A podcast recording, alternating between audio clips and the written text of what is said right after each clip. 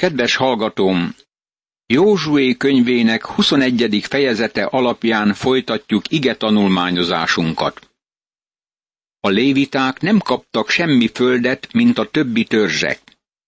Ehelyett városokat jelöltek ki nekik a többi törzsek területén. Szétszóródtak úgy, hogy szolgálhattak az egész népnek. Lévi papi törzs lett. Azután odamentek a léviták családfői Eleázár paphoz és Józsuéhoz, Nun fiához, meg az izraeli törzsek családfőihez, és így szóltak hozzájuk Silóban, Kánaán földjén. Az Úr megparancsolta Mózes által, hogy adjatok nekünk városokat lakóhelyül, és legelőket állatainknak.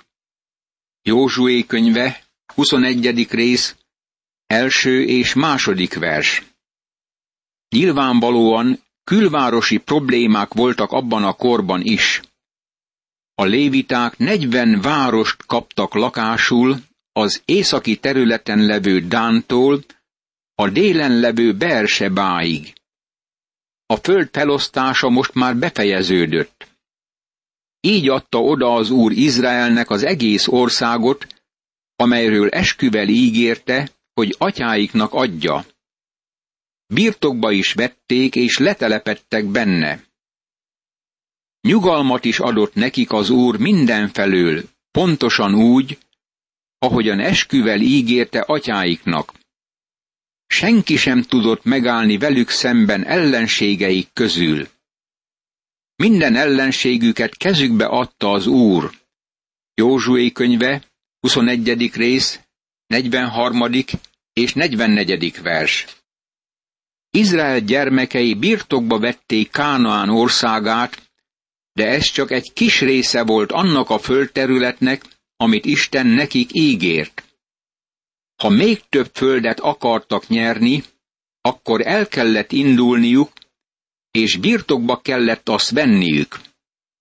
A szabály még mindig áll, hogy minden hely, amit lábukkal érintenek, az övék lesz.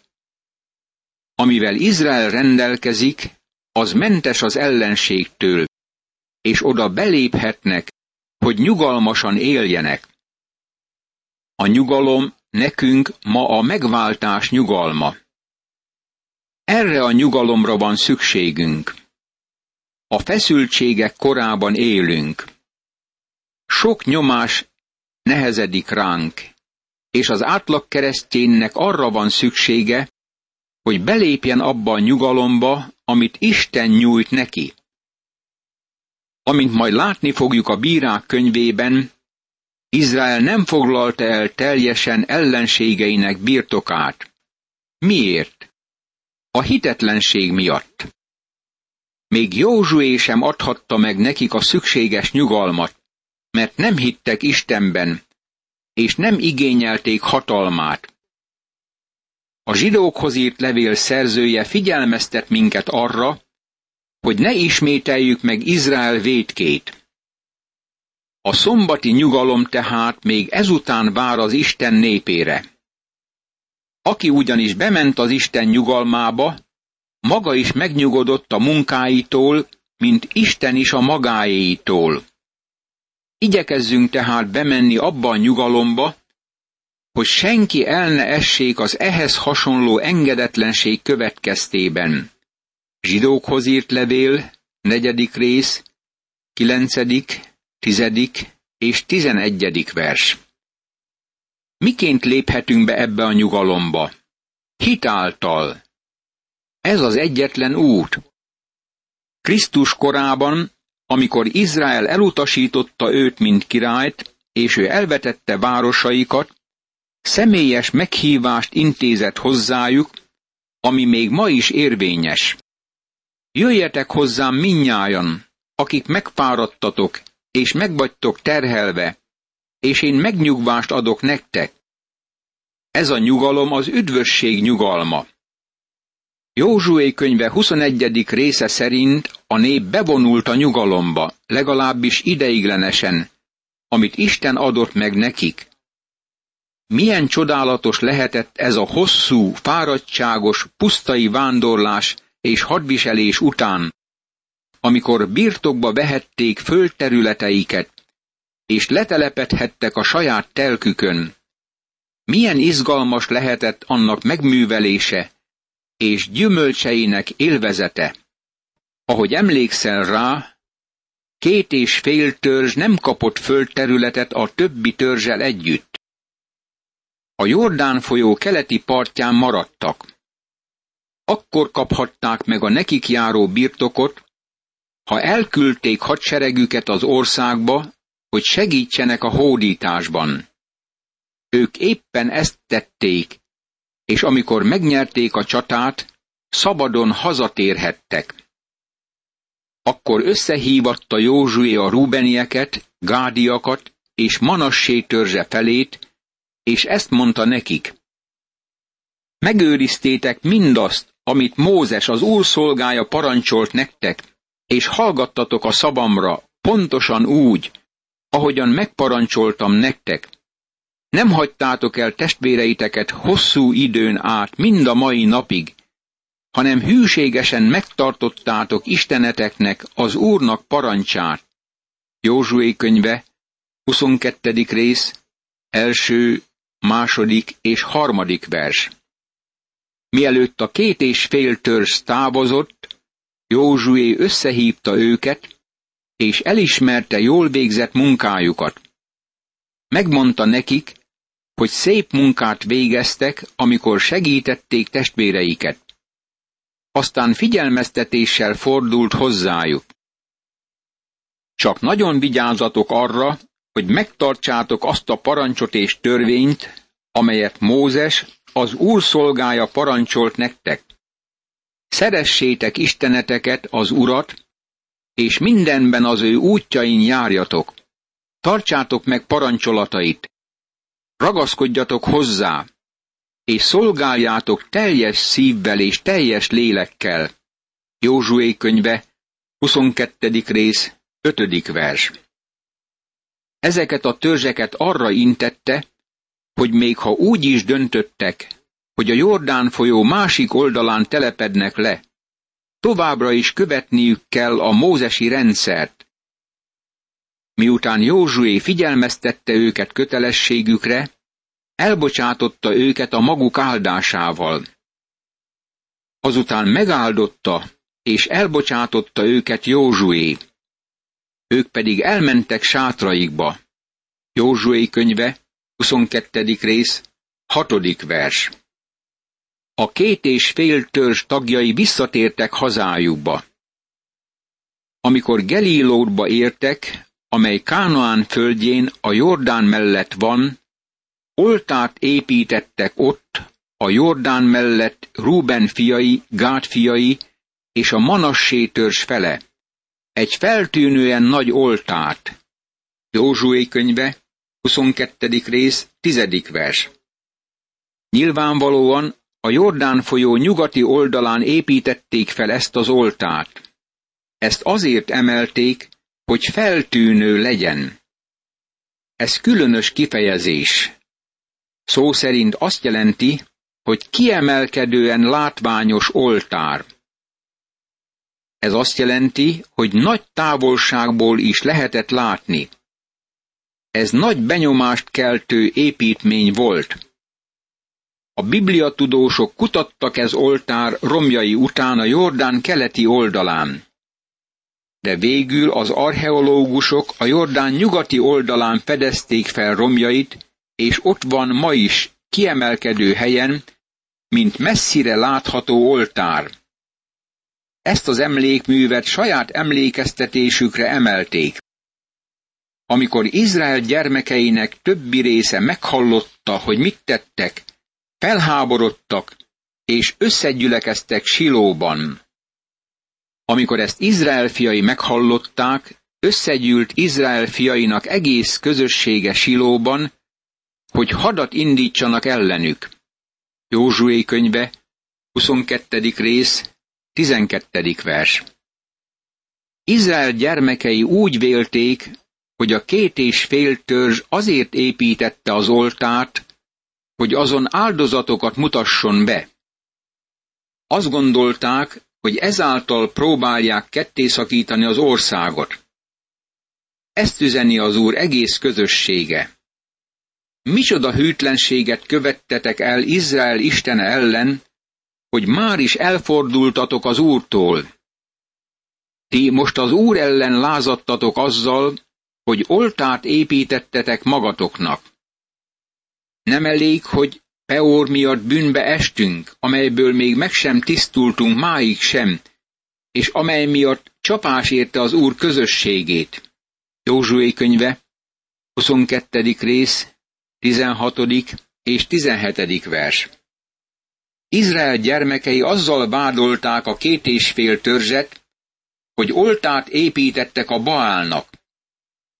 Emlékeztek arra az időre, amikor Bálám megátkozta Izraelt, hogy védkezzenek, és a moábi asszonyok csábításának engedve lelki házasságtörést kövessenek el. Abban az időben Isten súlyosan megítélte őket, és attól tartottak, hogy ismét ez történik velük. Mégis a két és fél törzs jó magyarázatot adott arra, amit cselekedett. Az ellenük szóló vádak így hangzottak. Ti meg már is elfordultatok az Úrtól, pedig ha ti ma fellázadtok az Úr ellen, holnap ő Izrael egész közösségére fog haragudni. Ha tisztátalan föld a ti birtokotok, jöjjetek át erre a földre, amely az Úr birtoka, ahol az Úr hajléka van, és legyen közöttünk a birtokotok de az Úr ellen ne lázadjatok fel, és ellenünk se lázadjatok azzal, hogy oltát építetek magatoknak Istenünknek, az Úrnak az oltárán kívül. Amikor Ákán, Zerach fia hűtlenül bánt a kiirtásra rendelt dolgokkal, Izrael egész közösségére haragudott meg az Úr, és nem csak az az egy ember pusztult el a bűn miatt. Ekkor megszólaltak Rúben fiai, Gád fiai és a Manassé törzs fele, és így szóltak Izrael nemzetségfőihez. Tudja az Úr, az erős Isten, az Úr, az erős Isten, és tudja meg Izrael is, hogy lázadás, vagy az Úr elleni hűtlensége ez. Ha igen, úgy ne segítsen meg bennünket ezen a napon. Maga az Úr vizsgálja meg, hogy azért építettünk-e oltát, hogy elforduljunk az Úrtól, és égő áldozatot meg étel áldozatot áldozzunk, vagy béke áldozatot mutassunk be rajta. Józsué könyve, 21. rész, 18. verstől a 23. versig. Nem áldozatok felajánlása céljából építettek oltárt. Az oltár egyszerűen emlékeztette őket arra, hogy Izrael népéhez tartoznak. Talán egy megnagyobbított mintája lehetett az égő áldozati oltárnak, ami a Szent Sátornál állt, de nem akartak rajta áldozatokat bemutatni. Sőt, inkább azért csináltuk ezt, mert attól tartunk, hogy holnap ezt mondják a ti fiaitok a mi fiainknak. Mit akartok ti az Úrtól, Izrael Istenétől? Józsué könyve, 22. rész, 24. vers. A két és fél törzs őszinte volt abban, amit tett, és a kilenc és fél törzs elfogadta magyarázatukat. Azért azt mondta Fineás, Eleázár pap fia Ruben fiainak, Gád fiainak és Manassé fiainak. Most már tudjuk, hogy köztünk van az Úr, mert nem követtetek el ilyen módon hűtlenséget az Úr ellen. Így hát megmentettétek Izrael fiait az Úr kezétől. Józsué könyve, 22. rész, 31. vers. Izrael gyermekei rájöttek, hogy elhamarkodottan vádolták a két és fél törzset. Ez emlékeztet engem arra, hogy olykor mi is egy kicsit elhamarkodottak vagyunk.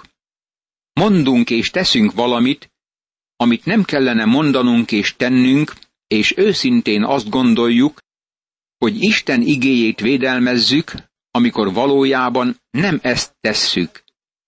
Izrael gyermekei elkövették azt a hibát, hogy testvéreik ellen indultak, hogy velük hadakozzanak. Az oltárt pedig így nevezték Ruben fiai és Gád fiai. Bizonyság ez közöttünk, hogy az Úr az Isten. Józsué könyve, 22. rész, 34. vers. A felszínen ez oltárépítés úgy hangzik, mint valami jó elgondolás, és sok ige magyarázó jóváhagyásának pecsétjét nyomja rá. Mégis futólagosan tekintsük meg ezt az oltárt, aminek a neve Ed. A Szent Sátorban volt a rézoltár az áldozatokért. Nem volt szabad más oltárt építeniük. Mózes 5. könyve 12. részének 27. verse ezt mondja. Égő áldozataidat húsával, vérével együtt tedd Istenednek az Úrnak az oltárára. Véres áldozataidnak a vérét pedig öntsd Istenednek az Úrnak az oltárára, a húsát megeheted. Izraelnek el kellett pusztítaniuk más oltárokat. Sőt, roncsátok le oltáraikat, törjétek össze szent oszlopaikat, és vágjátok ki szent fáikat. Mózes második könyve, 34. rész, 13. vers. Csak egy kivétel volt. A Mózes 5. könyve 27. részének negyedik versétől a nyolcadik verséig leírtak szerint, ahol Izraelnek tizenkét követ kellett kiemelnie a Jordán folyóból, és emlékeztetőül el kellett helyezniük azokat a parton. A két és fél törzs sohasem kelt át a Jordánon, és a folyó ténylegesen elválasztotta őket testvéreiktől. Ez az oltár is kifejezte ezt az elválasztódást. Az oltár elsődlegesen bizonyította megosztottságukat. Ez elősegítette a későbbi elválasztódást. Jelenleg Izrael keleti és nyugati része oszlik. A kilenc és fél törzsel szemben áll két és fél törzs ennél a pontnál, de később megtörténik az északi és déli szétszakadás az északi tíz törzs és a déli két törzs között. A bronzoltár a Szent Sátorban előképként mutatja Krisztus megváltási művét, az egység helyét. Barátom, ott bárkivel találkozhatom, aki fölmagasztalja az Úr Jézus Krisztust. János evangéliuma 17. részének 20. és 21. verse szerint Jézus így imádkozott. De nem értük könyörgök csupán, hanem azokért is, akik az ő szavukra hisznek én bennem, hogy minnyáján egyek legyenek úgy, ahogyan te, atyám, én bennem, és én te benned, hogy ők is bennünk legyenek, hogy elhiggye a világ, hogy te küldtél el engem. Szervesen egyek azok, akik Krisztusban vannak. Az oltár beszél Krisztus haláláról, mint áldozatról ahogy a két és fél törzs felépített egy vértelen oltárt, amely ketté osztotta Izraelt, ma, akik liberálisok teológiájukban ugyanúgy ketté osztják az egyházat. A fundamentalistákat azzal vádolják, hogy szakadást okozók, de a liberalizmus szakadt el Krisztus keresztjétől és istenségétől. Nem szeretik a véres oltárt, úgy is mondhatjuk, hogy megépítették a maguk oltárát.